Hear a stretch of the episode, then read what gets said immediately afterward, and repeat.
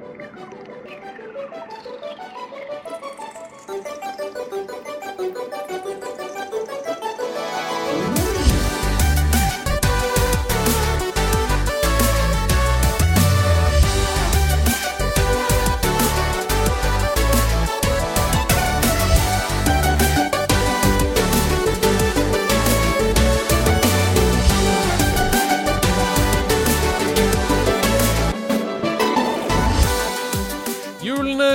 Videre på denne bussen vi kaller Sidequest. Og på første rad så sitter du, kjære lytter. Jeg skal prøve å kjøre denne bussen til en trygg bussholdeplass, sånn at vi begge kan gå av og drikke sjokomelk og ha en god helg etterpå. Eh, vi er tilbake med episode to av den flunkende nye serien Sjangershow. Der vil jeg sammen med en gjest gå gjennom alle de ulike spillsjangere som finnes der ute. Vi trekker frem noen historiske høydepunkter. Vi snakker med en entusiast i den nevnte sjangeren. Vi skal innom alt fra beat them up og FPS til survival horror og life sim. Eh, og til å lage en episode som faktisk kommer til å ligne på sånn som de andre sjangerepisodene blir. Ikke sånn som den første var, nemlig. Som var helt annerledes enn de andre blir. Ta vel imot Funcom ansatt, Pokémon-trener og definisjonen på spillentusiasme. Kristina Haley. Hei, Andreas! Hei! Woo! Hørte du det? Det er definisjonen på spillentusiasme i én setning. Du er, du er det nærmeste jeg kommer en Pokémon-trener eh, i min vennekrets. Det er veldig snilt av deg. Ja. Uh, ja, det, det liker jeg. Det er sånn Jeg har nylig starta å spille liksom, kortspillene ordentlig, Mm. så nå føler jeg at jeg har min egen quest til å bli en Pokémon Master. Ja. Men det er altså Du har jo en eh, Instagram-profil. Vi snakka litt om det forrige uke også. Pokémon Trainer Chris. Uh, og det er et bilde der som du har lagt ut, der hvor du sitter med Pikachu plushie ved siden av deg og cosplayer Ash. eh, med ryggen til kamera, som en på en måte hyllest til den siste episoden i animen. Jeg ble skikkelig Jeg fikk klump i halsen. Jeg fikk klump i halsen av å se det bildet. jeg. Det var veldig koselig. Det var liksom den følelsen jeg hadde lyst til å Ja. få folk. ja. Utrolig rørende. Mm. Men vi skal ikke snakke om Pokémon i dag, selv om vi gjør det hver gang du er her. eh, fordi sånn er det når to stykker er glad i det samme tingen. Eh, vi skal snakke om survival horror.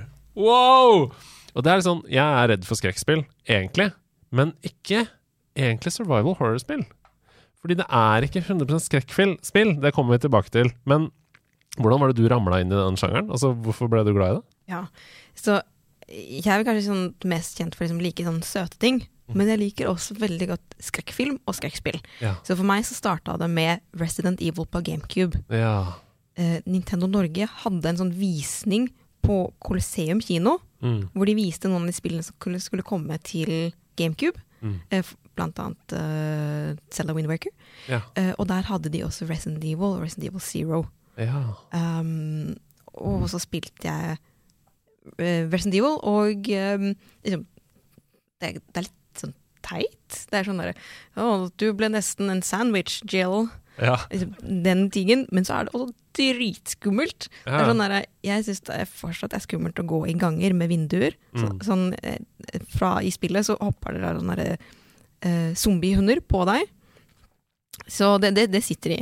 Eh, og så er det jo Jeg, jeg bare syns det var så gøy, fordi det er, så, det er sånne crazy scientists som har Mm. prøvd Altså, mm, kanskje gjøre gode ting. Ja. Og så har det gått feil, og så vil de bruke det til sånn, kanskje slemme ting i stedet. Du er kanskje bare glad i liksom sterke følelser, enten det er den ene veien eller den andre. Altså Du sier søte ting, emosjonelle ting, men også skumle ting. At det liksom du vekker noe i deg. da Ja, vet du hva, det Da var du veldig dyp. Men jeg tror du har rett. Jeg tror du har rett i det, altså. Din personlige psykolog Ja. her. Eh, spillpsykologen Andrea Hedman. Ok, Vi skal begynne med definisjonen på sjangeren. Eh, og så skal vi snakke litt om historien. Og etter hvert som det skrider frem, så stopper vi noen, med noen titler. da Ja, aller først, dette er Her er det liksom noen småting som er greit å ha på det rene i definisjonen av sjangeren. For det er ikke Mange har vært liksom sikkert eh, skeptiske til det hele tatt å ta et survival horror-spill, fordi bare tittelen på sjangeren gjør at du liksom rygger unna. Men survival horror er i utgangspunktet en undersjanger av survival-spill som inkluderer horror- horrorelementer, ikke omvendt. Det er ikke først og fremst et horrorelementer der du også skal overleve. Det er viktig å si. Eh, mange tenker at eh, survival horror-spill er liksom rene skrekkspill, men i utgangspunktet er det omvendt. Du får ganske ofte puste ganske mye i survival horror-spill. Du får tid, og liksom oh, Nå er vi i et område der hvor det er fin musikk, plutselig. I loading, eller liksom save-området, hvor jeg føler meg helt trygg, da. Sånn er det jo ikke i mange horrorspill. Der er det liksom hele tiden. Eh, det er på en måte to hovedtemaer i sjangeren. Det viktigste elementet handler om at du som spiller er sårbar. At du er liksom underbevæpnet, um, som må fokusere på puzzle-løsning og å unngå fiender, i stedet for å liksom gå guns blazing og bare kjøre på som en ja, Gears of War, da, actionspill, liksom, eller Doom, for den saks skyld. Uh, spillene utfordrer vanligvis spilleren til å gjøre det meste ut av lite. At du f.eks. må rasjonere på veldig lite ammunisjon, f.eks., og hvert skudd skal telle da, når du må skyte. Liker du den følelsen, eller er det mer sånn elsk-hat-forhold? At det er sånn ah, Hadde jeg bare hatt fem kuler til her? Ja, det, det er litt elsk-hat. Det, Mm. det er sånn Spesielt da jeg var mer ny i å spille det, og ikke var så flink til å kanskje prioritere hva jeg liksom, Noen ganger så må du bare løpe istedenfor å Ja. drepe den fienden, fordi det er en større ting som du må drepe senere. Um, så da det å savne at det bare sånn Ok, shit, jeg skulle ønske at jeg hadde hatt en bombe eller noe her, Ja, ja, Flammekaster, liksom. ja, men den, den brukte jeg på noe annet teit tidligere. Ja. Jeg er enig. Eh, Jeg liker at det er uh, mangel på ammo og sånn, fordi det gjør at jeg føler at det står mer på spill, og at jeg må liksom virkelig, ja, som sagt, rasjonere, da. Men det er en elsk-hat-følelse. Mm. Det andre hovedtemaet i survival uh, horror er isolasjon. Uh, vanligvis så inneholder disse spillene ganske få andre karakterer. Uh, hvis du er liksom true survival horror. Uh, mye av historien fortelles gjennom bruk av liksom journaler, lydlogger, tekster som ligger rundt. At det har vært noe en gang. Men du møter aldri disse menneskene. Du bare hører stemmen deres. Da. Det er et uh, typisk grep. Hvis vi kommer til gameplay, så er noen av gameplay-elementene at spillene ofte har labyrintlignende miljøer som tester hvordan du er som navigatør. Eh, og da må du selvfølgelig beholde roen og vite hvor du er, i veldig sånn forvirrende levels, som ofte er mørke, klaustrofobiske og sjukt spennende. Sånn at du må liksom, mens du er redd, da, greie å navigere deg i denne labyrintfølelsen. Eh, hva syns du om det? Ja, jeg, jeg er litt sånn Jeg er ikke kjempegod til å navigere i virkeligheten heller. Så jeg er veldig sånn herre Veldig ofte at jeg kommer til det, og så er det bare Åh, jeg vet ikke hvor jeg er. Og så bare Ok, nå må jeg bare ha en liten pause. Så jeg trykker liksom pause og ha en virkelighetspause, og så bare sånn Ok. hmm, hmm, og, så- og så ta fem minutter. Mm. For da, fordi da liksom Det blir for, eh, for adrenalin, da. Spesielt når det er det derre Sånn som du snakket om tidligere, mm, jeg tror kanskje før vi starta, Ja. det med lydene og sånn. Ja. Hvis du begynner å høre at det er noen Ja, som følger etter deg eller noe. Ja, det er det vi kommer til nå, denne lyden. Mm. Men, eh, men jeg tenkte jeg bare skulle si det også, at um, i survival horror-spill så kan jeg fort bli uh, Synes det er kjipt å komme inn i et nytt område hvor jeg må navigere meg, og jeg må utfordre min egen frykt da, på å Mm. gå videre og sånn. Og så er jeg liksom redd, men etter en stund så blir jeg bare sånn irritert. Sånn, ok, nå er det ikke noe skummelt lenger, nå vil jeg bare videre herfra. Hvordan skal jeg komme meg ut av den mazen her, liksom? Og det er litt deilig, når man kommer over den kneika. Mm. Og så kommer man seg videre, og så er man livredd igjen. Fordi det er jo nytt område. Men jo, denne lyden, eh, survival horror-spill, er helt avhengig av bra lyddesign for å fungere. Fordi det er mangel på karakterer, som vi snakka om i stad, så er liksom lyden er en egen character, på en måte. da. Um, man sier gjerne at f.eks. i Ringenes herre-filmer så, så er Hobbitun er en egen character, eksempel. Sånn opplever jeg at det er i survival horror-spill. Lyden er, har nesten replikker, på en måte. Uh, lyden brukes utafor skjermen, på andre sider av vegger, bak deg, for eksempel, for å varsle deg om fare. Altså Det er liksom en, en aktiv tilbakemelding for å hjelpe deg, som et gameplay-grep, men det virker ofte motsatt. Fordi du som spiller blir gjerne fylt med angst, du blir fylt med usikkerhet, du blir fylt med redsel, eh, som i mitt tilfelle føler at jeg beiner av gårde, eller fryser til der hvor jeg står. Så det hjelper meg ingenting. Det bare trigger meg, på en måte. Skjønner du hva jeg tenker da? Er du, hva gjør du i en sånn situasjon? Hvis du hører sånn ah, Som kommer nærmere og nærmere, eksempel? Ja, ja det er sånn derre liksom, ser meg helt stille, prøver å identifisere hvor det faktisk kommer fra. Mm, lytte, liksom? Mm, Mm. Og så er det gjerne sånn derre Gå på en sånn vanskelig måte, da, sånn at jeg alltid ser mot der det kommer fra, og så prøver å bevege meg vekk fra det. Oh, ja. For jeg føler liksom jeg er litt tryggere hvis jeg ser mot det. Å, fy søren, du er tøff. Jeg må ha ryggen til. Å ja, det syns jeg er skummelt. Ja, ikke sant, for da vet du ikke hva Ja, du er lur. Du er mye lurere enn meg. Jeg tror I en overlevelsessituasjon, så alle som hører på, gå til Kristina. Ikke gå til meg. Hun, hun har kontroll og ser på ting som er skummelt. Jeg løper vekk fra det med ryggen til. Og kommer til å få kniv i ryggen, selvfølgelig. Så. Eh, nei, men ok, jeg er enig. De siste to gameplay-elementene som jeg vil ta med i definisjonen, det er hvordan fiender dukker opp. Fordi det er på en måte en sånn staple i survival horror at de dukker opp uh, uventa eller plutselig. Um, levels kan være designa med liksom skripta sekvenser der hvor fiender f.eks. faller ned fra taket plutselig og begynner å krabbe mot deg og sånn. Uh, eller knuse gjennom vinduer. Det har vi sett i Resident Evil flere ganger. Eller hvor de plutselig bare står rundt et hjørne og ikke gjør deg noe, de bare står der. Sånn som i Silent Hill 2, uh, Pyramid Head, eksempel. Du går i en gang, og så er det en gitter, så ser du noe baki der som er nærmere og nærmere fordi du går nærmere. Og når du kommer helt inntil, så ser du at det er en helt sjuk skapning som ikke gjør deg noen ting. Bare står der. Det er liksom en staple i survival horror. Mm. Hva liker du best? Altså, hvis du må velge mellom at noe bare er der når du går rundt et hjørne, eller at det faller ned fra taket og knuser inn et vindu. Ok, så det at de plutselig faller ned eller kommer inn, er jo Det finnes sånn hjerteinfarkt-oppskrift. Ja. Men, men det liksom når de, når de plutselig står der, så er det sånn Du vet liksom ikke vil, liksom, skal, Kommer jeg til å trigge de? Kommer Mm. de til å bare stå der? Uh, for liksom, hvis du må liksom sånn snike deg forbi, og det er sånn trangt og sånt der, det, det er ganske Det er bedre da å ha noe som, som du liksom kan sprinte fra, da. Som er Ja. liksom allerede i action. ja, for det er liksom lettere å forholde seg til. Ja. Den er sint på meg. Ja. Ok, da har jeg to valg. Mhm. Fight or flight, Ja. på en måte. Men en sånn ting som ikke gjør noe. Mhm. Det er bare sånn Hva vil du? Hvem er du? ja.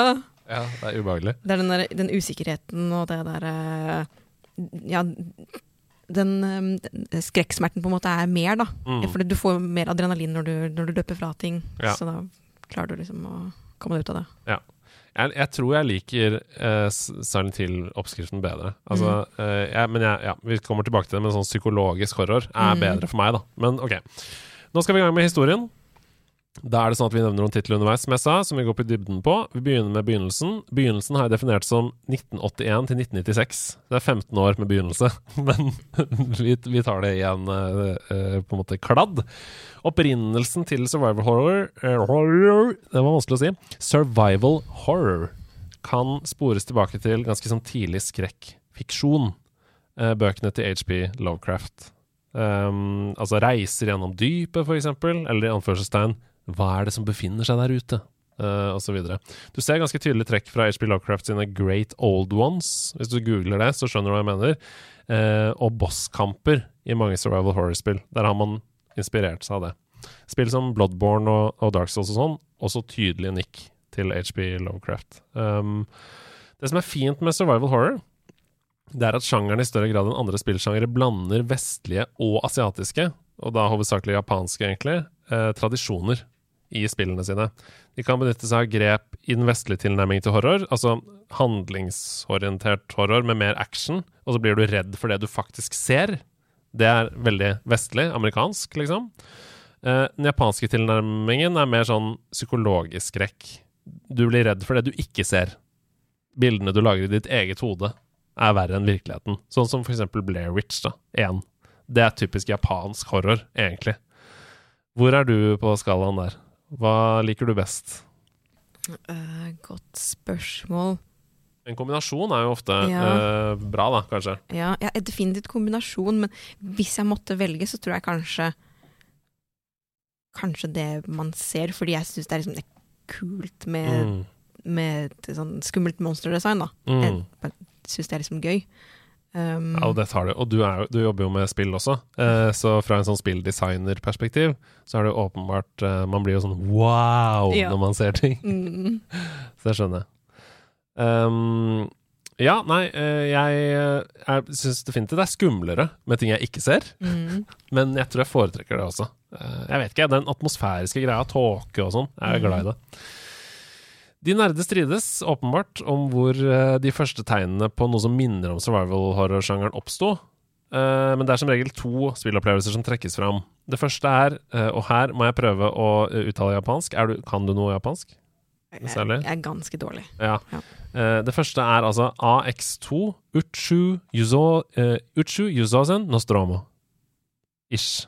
Fra 1981. Som er et survival horror-spill for Commodore PET, altså PET. Det var veldig tydelig inspirert av et stealth-spill som het eh, på uh, engelsk Shoplifting Boy. Uh, dårlig oversettelse, sikkert. Og sci-fi-skrekkfilmen Alien fra 1979, som jo lagde ringer i vannet da den kom, liksom. Det var jo en sjokkerende opplevelse for mange.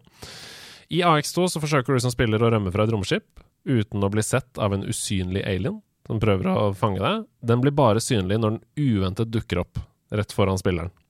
Uh, du har også veldig begrensede ressurser i spillet, og så er du nødt til å samle visse gjenstander for å greie å unnslippe skipet, mens denne alienen som du ikke ser, er et eller annet sted. Hvis du ikke får til det, så klarer du ikke å rømme, eh, og da har du til slutt ikke noe annet valg enn å bli tatt av romvesenet. Høres ut som survival horror. Gjør det. 1981. Commodore PET, altså Det kan ikke ha vært noe bra grafikk eller noe. Må ha sett ut som Ja, det var bare masse piksler sammen. Ja. Den beskrivelsen jeg beskriver, er veldig levende. Jeg Ja. kan ikke skjønne at det har sett sånn ut. en alien som du ikke ser, og Mhm. plutselig dukker den opp. Ja, En prikk da, foran Mhm. deg som dukker opp. Ja. Ja. Eh, Det andre spillet som blir kreditert for å sette inn av sjangeren, er Atari 2600-spillet uh, Haunted House fra 1982. Da er vi mer i Amerika med en gang. Uh, gameplay er veldig typisk for fremtidige survival horror-spill, fordi det også legger vekt på gåteløsning uh, og det å unngå fiender, snarere enn da masse vold. Og så er det noe Metroidvania, vi snakka litt om det i forrige episode også. Eh, enkelte områder er utilgjengelige før du har funnet noen items som gjør at du låser opp de områdene. Eh, apropos det. Noen har kanskje eh, lyst til å si at Konami sitt Castlevania, som kommer i 1986, er viktig å nevne når vi snakker om survival horror, fordi det lar seg inspirere og blir så stort da, at eh, det treffer på en måte massene. Eh, men Splatterhouse og den type spill, de er så arkadeaktige at jeg har ikke lyst til å ta det med i survival horror. Så hvis du sitter nå hjemme og tenker eh, du må nevne Castlevania, jeg har i hvert fall nevnt det, men det er, det er ikke survival horror. Det er ikke det, altså. I hvert fall ikke som vi kjenner det. Vi kommer snart til eh, mer spill som du og jeg har spilt, fordi dette er jo for tidlig, sant? Vi er jo ikke født engang, i 1981 osv. Um, men vi har snakket om at de nerde strides om hvor sjangeren i seg selv tok baby steps. Men de strides enda mer om hva som var det jeg nevnte i stad, the first true survival horror game. Gamere er så opptatt av sånt. Det, det er veldig viktig. Som for eksempel sånn Dette er ikke ekte Pokémon. Har du hørt det før?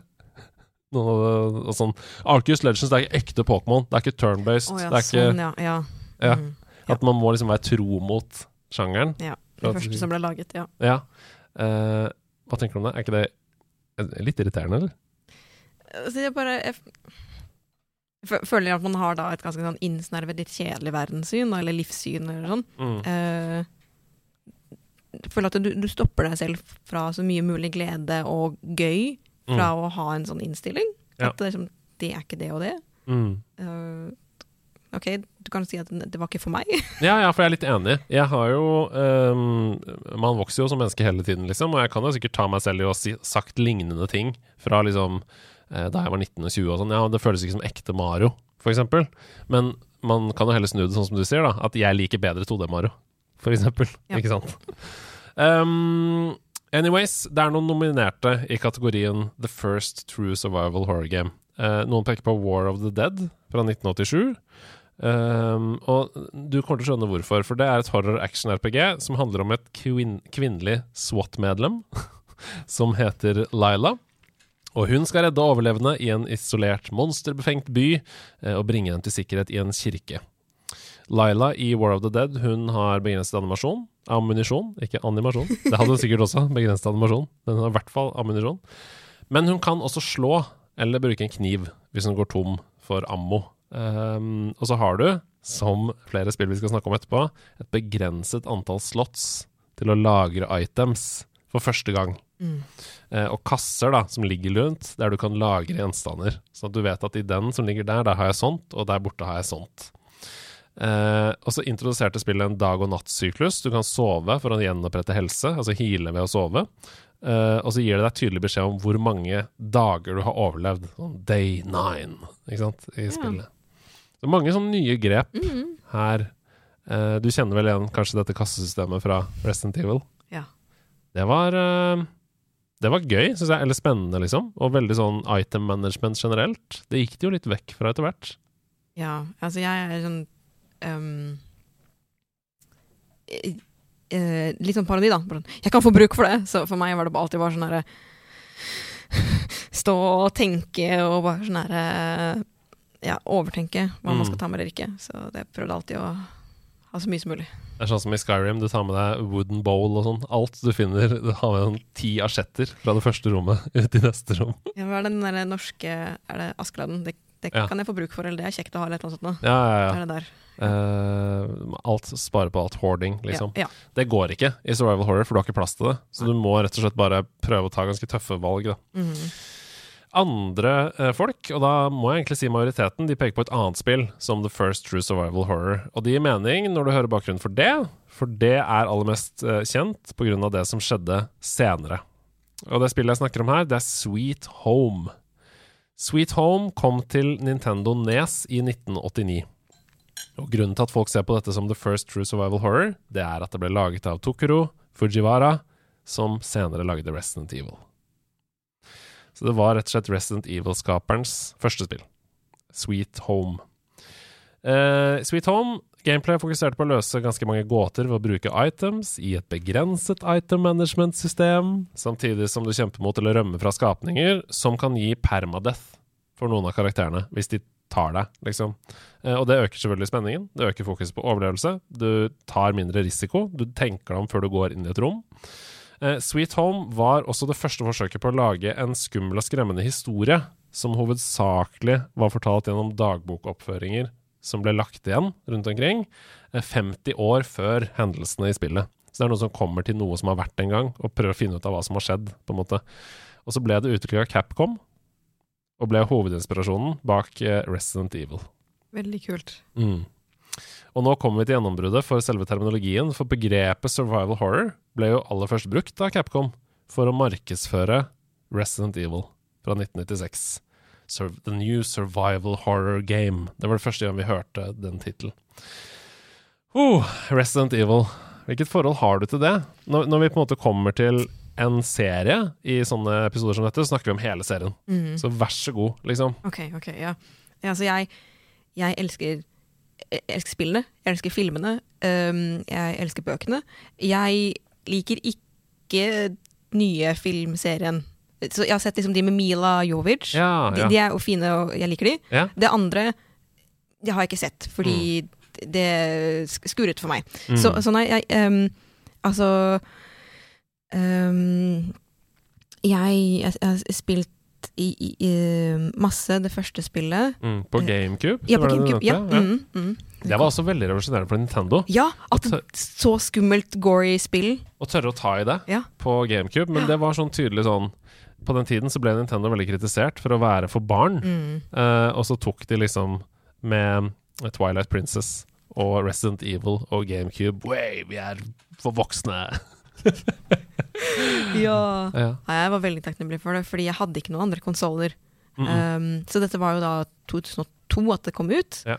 Um, så for meg var det Det var veldig revolusjonerende. Mm. Um, og spesielt da også Resident Evil 4 kom. Mm. Jeg, jeg spilte to og tre også, men ikke, ikke like mye som, som én og fire. Mm. Um, så, og det da, det mer sånn action-fokuserte spillet, det var um, Altså, det, det, det var liksom gøy på en helt annen måte, da. Mm.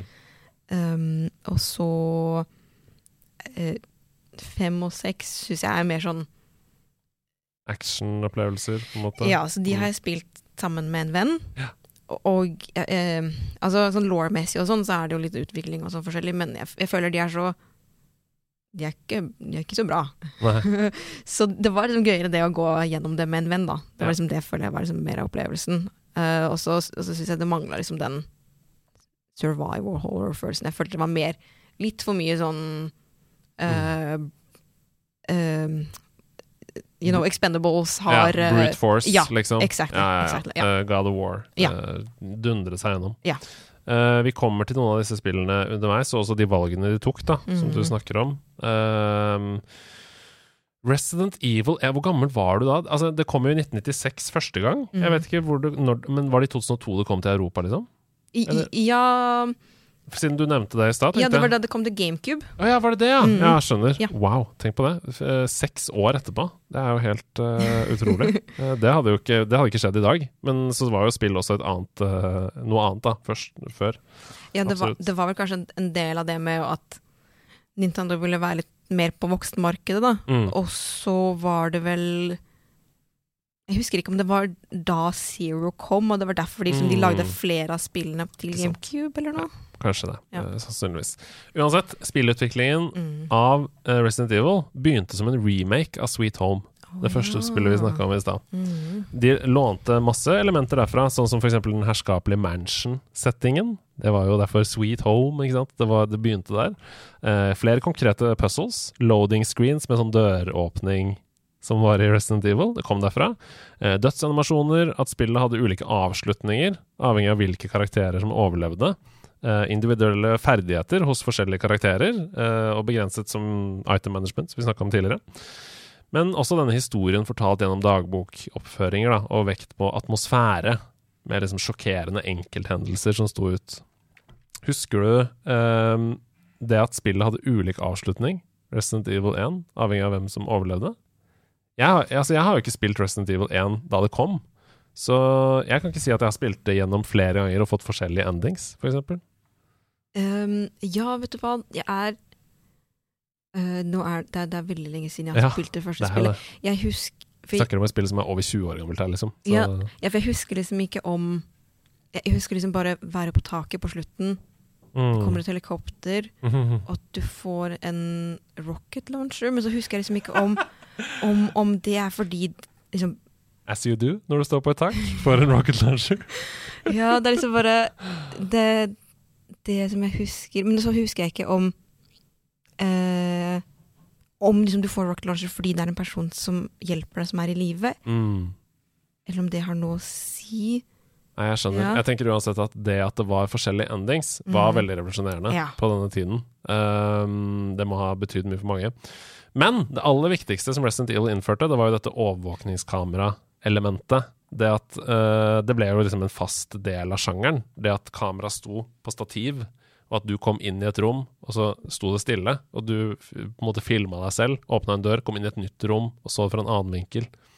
Det var så uh, nyskapende på en eller annen måte at jeg bare forbinder den vinkelen med bare Resident Evil. Um, ble jo mye skumlere av det. Ja, altså Jeg syns det var så frustrerende i d- For at det, du, du har liksom tre vinkler som du kan peke våpenet ditt. Da. Det er liksom der, ned, rett fram eller opp. Og det var sånn der, jeg, jeg får lett panikk når det kommer skumle ting mot meg, og det liksom klare å velge riktig. Det var sånn der, Mm. Så det Ja, det var eh, my, mye liksom rage der, da. Mm. Ja. Jeg bare lurer på om det fantes horrorfilmer før dette som hadde overvåkningskamera som en del av greia, eller om det, om det kom derfra. Fordi i senere tid så er jo det liksom blitt en staple i horror, enten det er film eller TV eller hva det er, at du ser gjennom det der grønne filteret, og så blinker det liksom oppi at du er inni kameraet, da, på en måte. Mm.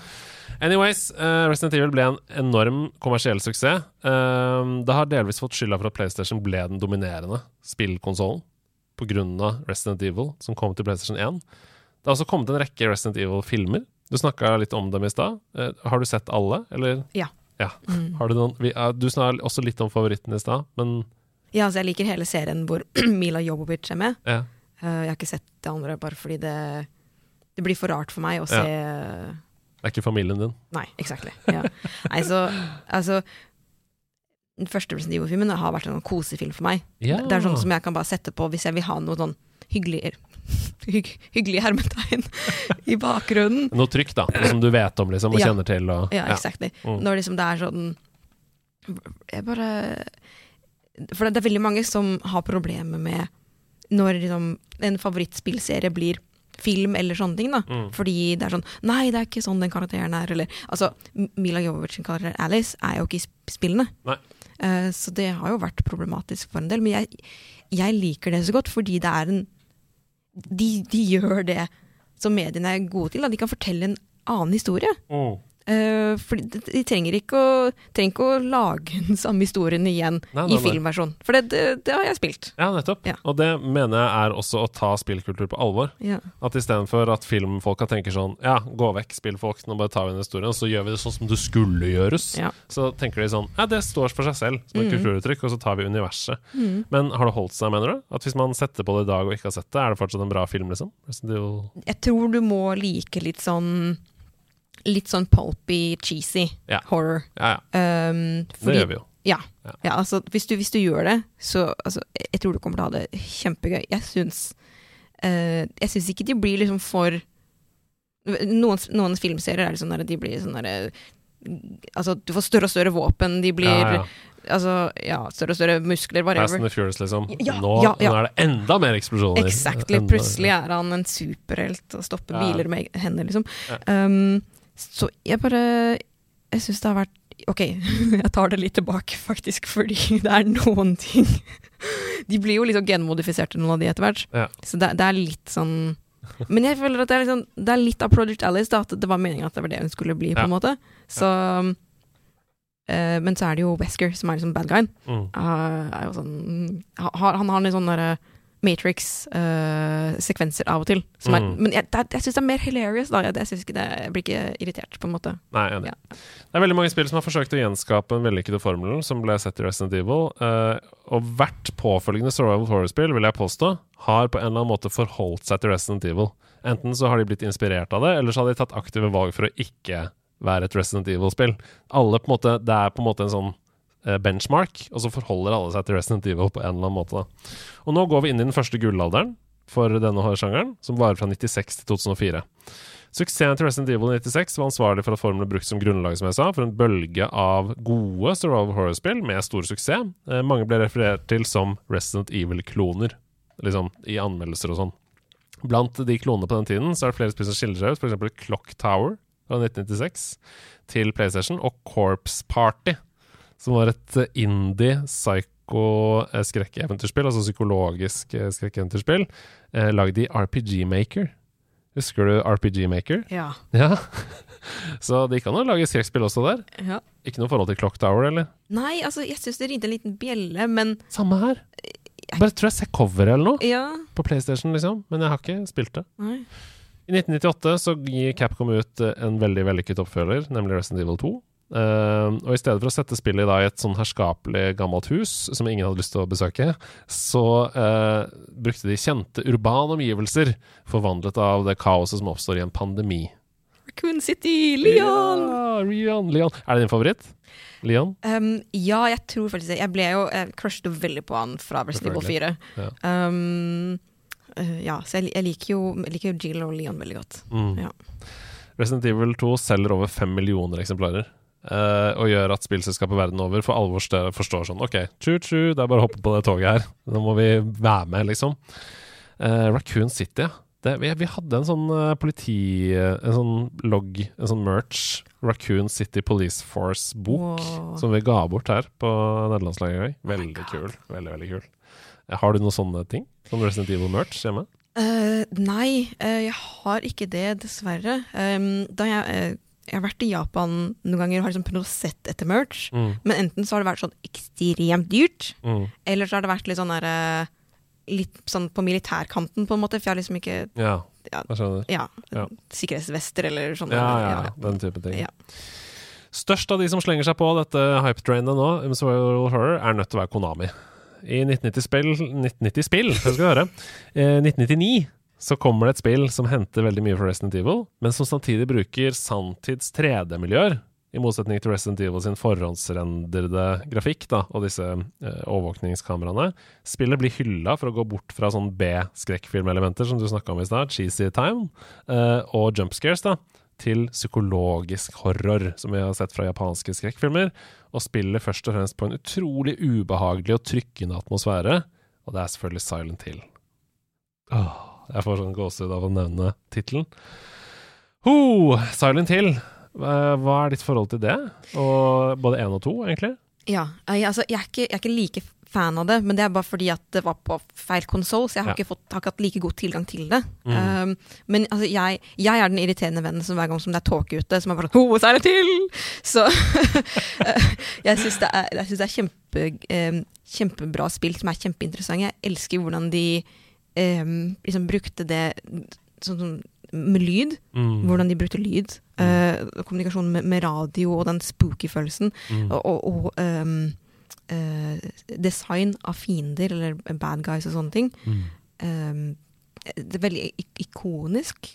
Så nei, jeg, jeg, jeg syns det er veldig eh, Jeg liker de også veldig godt, da. Og Mm. jeg, jeg syns også filmen er morsom. Vi spilte Silent Hill 2 i uh, Har det holdt seg-spalten i nederlandslaget en sesong, og det mener jeg det har, da. Jeg mener at du trenger ikke spille den remaken som kommer nå, selv om det er jeg veldig gira på, uh, for å ha en god spillopplevelse med Silent Hill 2. Det er fortsatt et veldig bra spill, selv om det er gammelt. Så hvis du er nysgjerrig, så spill det. Det originale Silent Hill det regnes som et av tidenes skumleste spill. Helt der oppe, liksom. Uh, oppfølgeren, Silent Hill 2 fra 2001, uh, er først og fremst kjent for en fantastisk historie. Altså at, Ikke at den er fantastisk som i eh, koselig, men som i at den er gripende og sjokkerende og twister og sånne ting. Så i tospann så har de to spillene gjort Silent Hill-serien til et av de mest innflytelsesrike ja, i sjangeren. Akkurat som at man snakker om eh, Resident Evil som en sånn benchmark, så snakker man også om Silent Hill hvis du skal inn i psykologisk eh, thriller, da, på en måte. Og nå begynner da uh, spillselskaper å utforske mulighetene litt. Uh, et spill som er verdt å nevne her, det er Fatal Frame fra 2001. Har du spilt det? Jeg har ikke spilt det. Uh, en av mine favoritt-youtubere, ja. Gab Smolders, hun er kjempefan av serien. Ja. Så jeg har bare sett på hennes Let's Play, og altså Jeg syns det Det gir mer, da, fordi altså, hun har bodd i Japan og kan japansk, hun spiller gjerne på japansk og sånn, og så, og så forklarer så mye mm. rundt det også. Så ja. det syns jeg bare har vært en fantastisk opplevelse. Fatal Frame er en helt unik inngang til sjangeren. Uh, ok, du utforsker et herskapshus, så det er ikke så unikt, men du må ta bilder av slemmingene der inne for å på en måte drepe dem, da, eller beseire dem, fange dem. Det er derfor det heter Fatal Frame. Med en gang du kommer i framen min og jeg får ta bilde av deg, så er det fatal.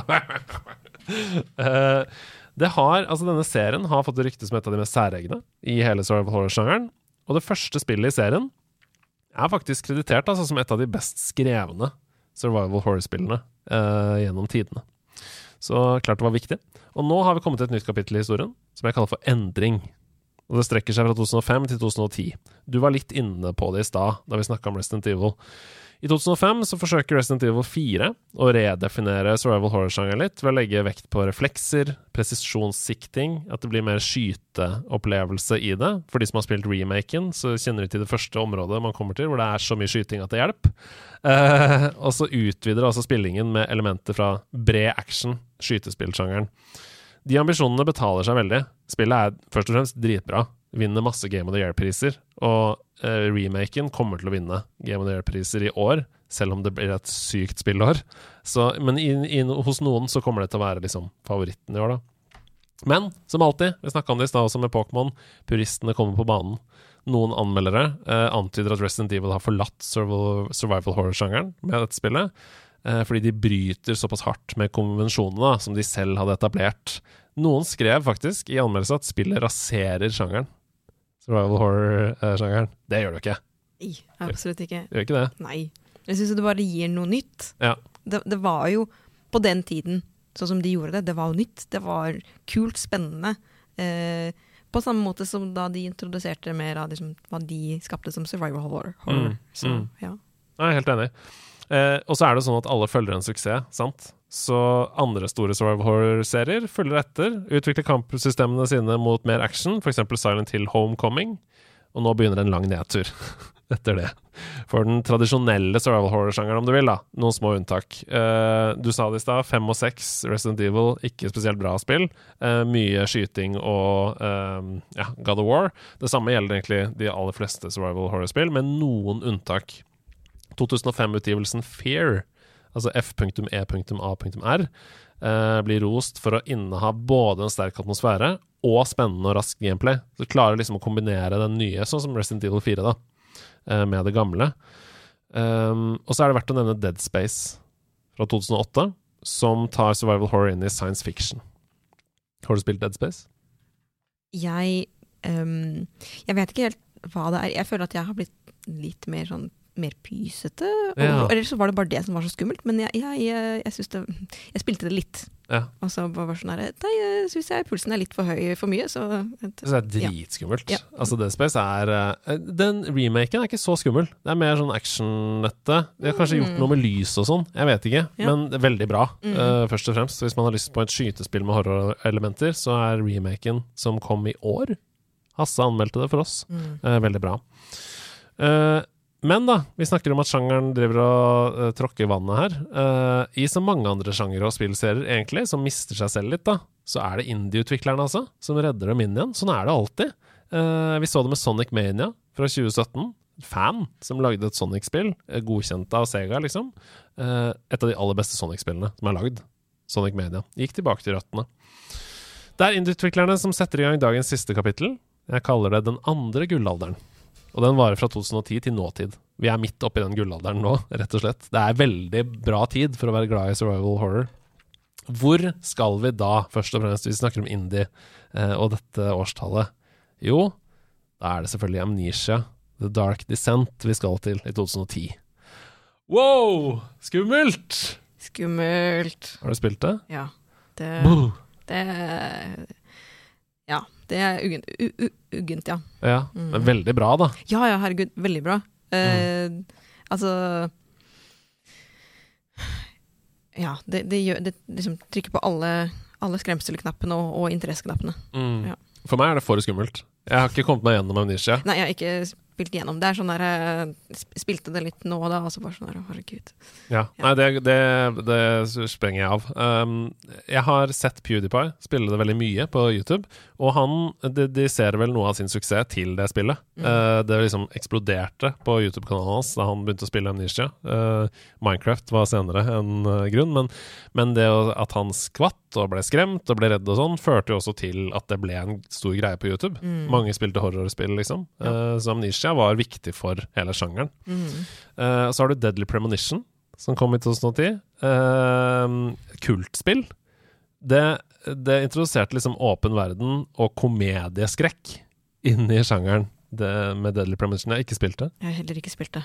Da hopper vi til eh, 2012, hvor det smeller så eh, mye at det smeller ut av bare spillkulturen. Det kommer på nyhetene, det går ut i populærkulturen. Det er selvfølgelig Slender, The Eight Pages, som kommer og treffer verden med et brak! Altså, eh, blir hylla for å skape noe som er helt forferdelig skummelt, uten at det er masse blod og gørr og sånn. Men blir ikke fullt så hylla når på en måte barn i USA og sånn begynner å leke Slender i skogen, og dessverre også mister livet av det. Eh, men for en kulturpåvirkning det spillet hadde. Mm. Forferdelig spill. Altså grusomt skummelt. Ja. ja nei, altså det, det er litt sånn rart å tenke tilbake på, egentlig, at det at det, at det ble så stort. Det er så, det er så tilfeldig hva som, Mm. hva som påvirker og eksploderer i en sånn Mm. Ja. Ja, nei, jeg, jeg spilte det på veldedighetsstream i Nerdenassage-sammenheng, fordi folk donerte for at jeg skulle spille det, selvfølgelig. Damn you!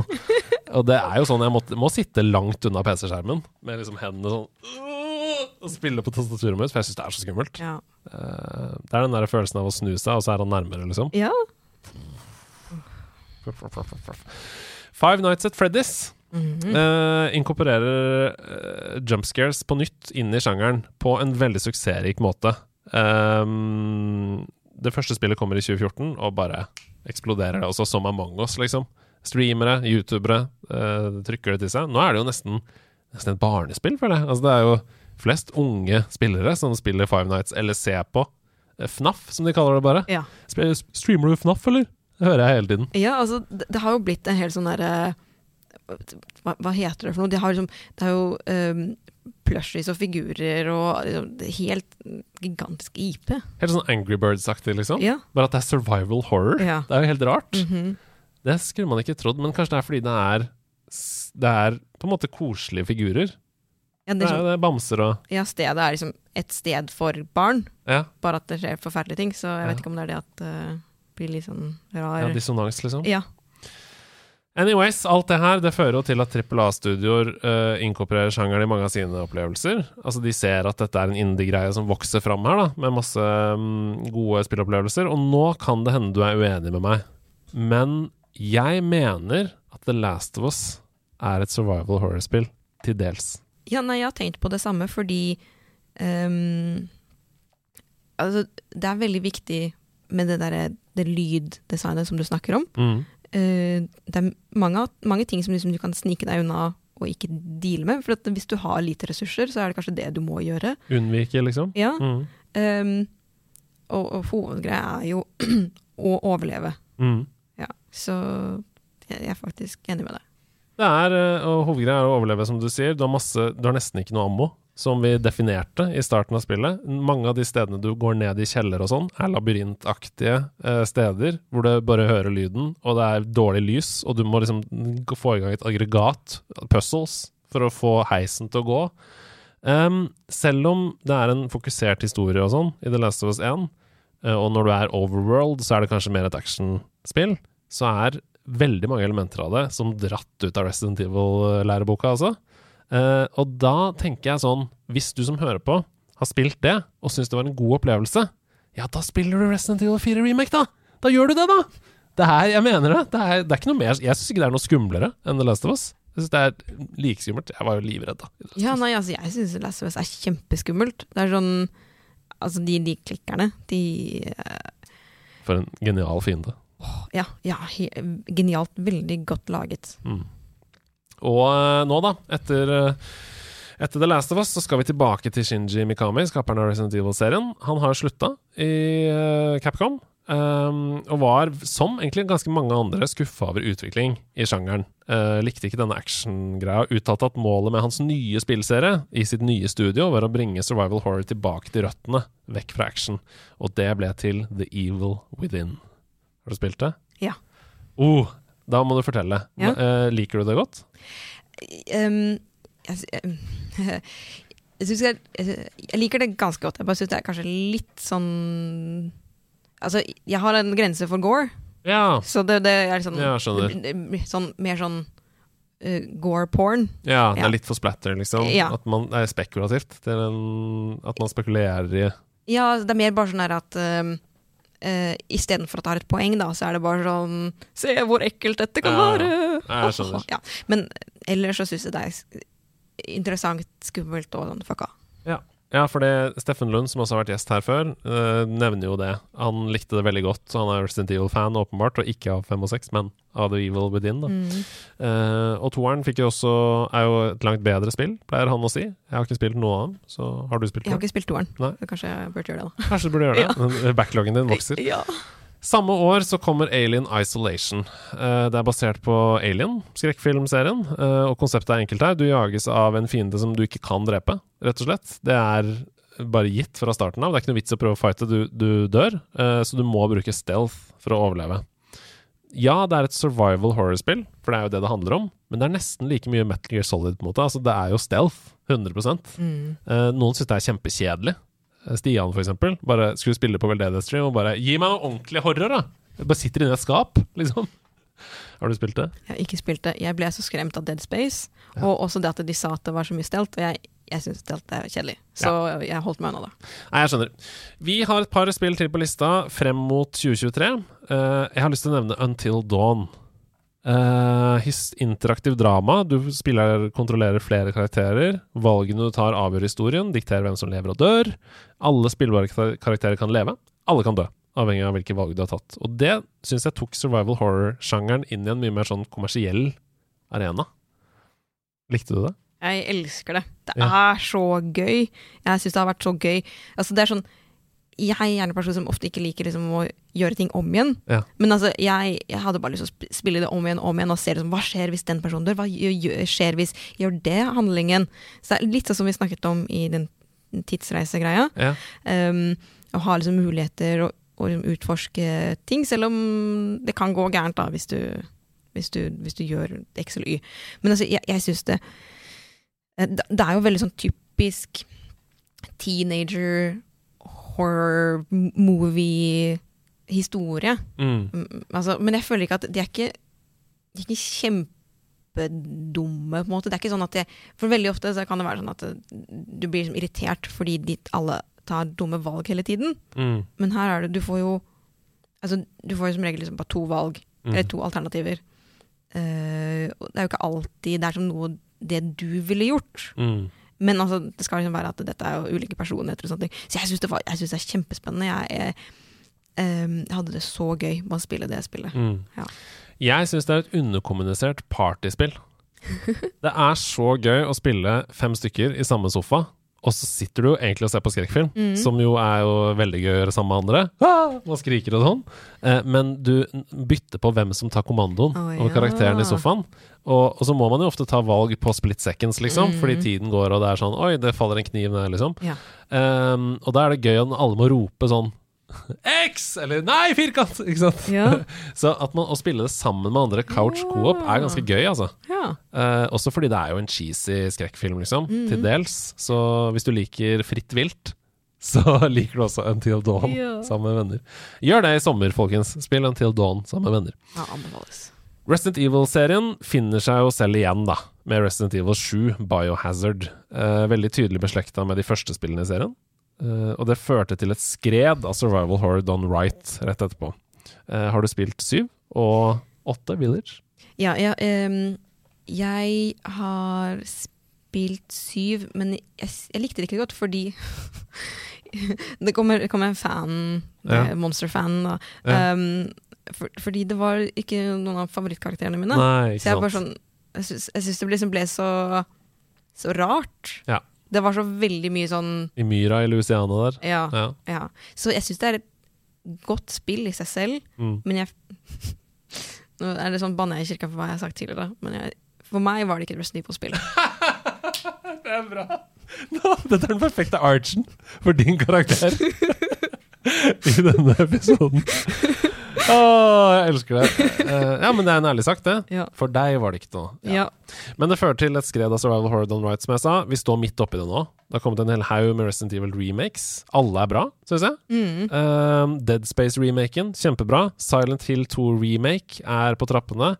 Og vi er på vei til å få, i år, et av de store skrekksentriske spillene, nemlig Alan Wake 2. Det kommer, altså. Uh, hva heter det? En skapning med horn uh, og elghode som smeller seg gjennom veggen der. Alan Wake, ja. Remedy og den gjengen der. Mm. Finland får til ting. ja. Gøy. Veldig gøy. Mm. Altså jeg, jeg, jeg gleder meg veldig til Mm. Alan Wake 2. Jeg tror jeg må spille det først igjen, fordi jeg merker at ting har forsvunnet fra hukommelsen. Mm. Eh, Jeg husker det bare som veldig interessant ut, og sånn veldig mystisk, som jeg syntes var gøy. Mm. Så ja, jeg likte det veldig godt. Men what a time to be alive Ja. for survival horror Ja. Vi eh, vi er heldige om dagen. Ja, fordi altså, jeg syns det Altså, vi snakker jo ofte mye om Pokémon, men det liksom å ikke ha alle spillene tilgjengelig på moderne konsoller, er liksom er heartbreak. Mm. Så når, da når de eh, Som Resident Evil-serien, som har lag, drevet og arbeidet og laget alle disse spillene på nytt igjen. Jeg er så takknemlig for det. Mm. Både liksom når det nye publikum, og så kan man spille det eh, uten å måtte ta fram en gammel konsoll eller en liksom bugga gammel versjon. Mm. Så ja, nei, både nytt og gammelt. Ja. Jeg syns ikke de har tatt noen valg som har gjort spillene dårligere. Tvert imot. De har økt quality of life-ting. Uh, og fortsatt så føles det som de gamle spillene. Mm. Nå var jo ikke jeg noen veldig stor eh, Resident Evil-fan da, fordi det har først blitt i voksen alder. Mm. Men jeg husker jeg så på liksom Morten i klassen spille og sånn. Jeg var jo livredd, det var, barnslig. Um, men det er jo åpenbart, hvis du, hvis du tar og holder opp en gammel PlayStation-kontroll fra den første PlayStation og prøver å spille det første, det er åpenbart en bedre opplevelse Ja, å spille de nye spillene. ja, absolutt. Jeg har bare Jeg har ett punkt hvor jeg er eh, grumpy gamer da, på Resident Evil 4-remaken, Ja. og det er at jeg savner stemmen til salgsmannen. Ja. Ja. Ja, det skjønner jeg. Mm. Det er jo en pet peeve for mange, kan jeg se for meg. Ja. Nei, men så fint, da. Uh, da har vi kommet oss gjennom survival horror i sjangershow. Uh, dette tror jeg var en respektfull gjennomgang som folk satte pris på. Um, hva, hva er det du Bare oppsummert, hva er det du liker aller, aller best med survival horror-sjangeren? Hvis du skulle liksom peke på et par ting. Um, jeg tror jeg liker det At det selv om altså, ja, Noen ganger så er man jo helt alene, og sånn, men du, du har ofte enten da en sånn rar karakter som av og til du møter, som du kan samarbeide med. Som de slags rare vennskapene syns jeg er litt sånn artig. Og det å lære om hva som har skjedd før, og oppdage liksom mer og mer hvor fucked situasjonen du er i. Mm. At du bare sånn herre Å, dette var et interessant gammelt løs, jeg må gå inn der og se. Og så bare sånn Å ja, her har det vært massemord. Oi, det har vært en gal professor. Oi, gal professoren har blitt et stort monster som har lyst til å spise meg.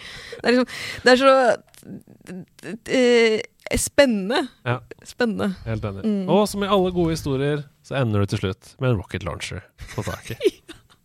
Tusen takk for at du hørte på denne gjennomgangen. Vi snakkes igjen neste uke. God helg, eh, god høstferie, god juleferie, god vinterferie, god sommerferie. Samme når du hører på dette.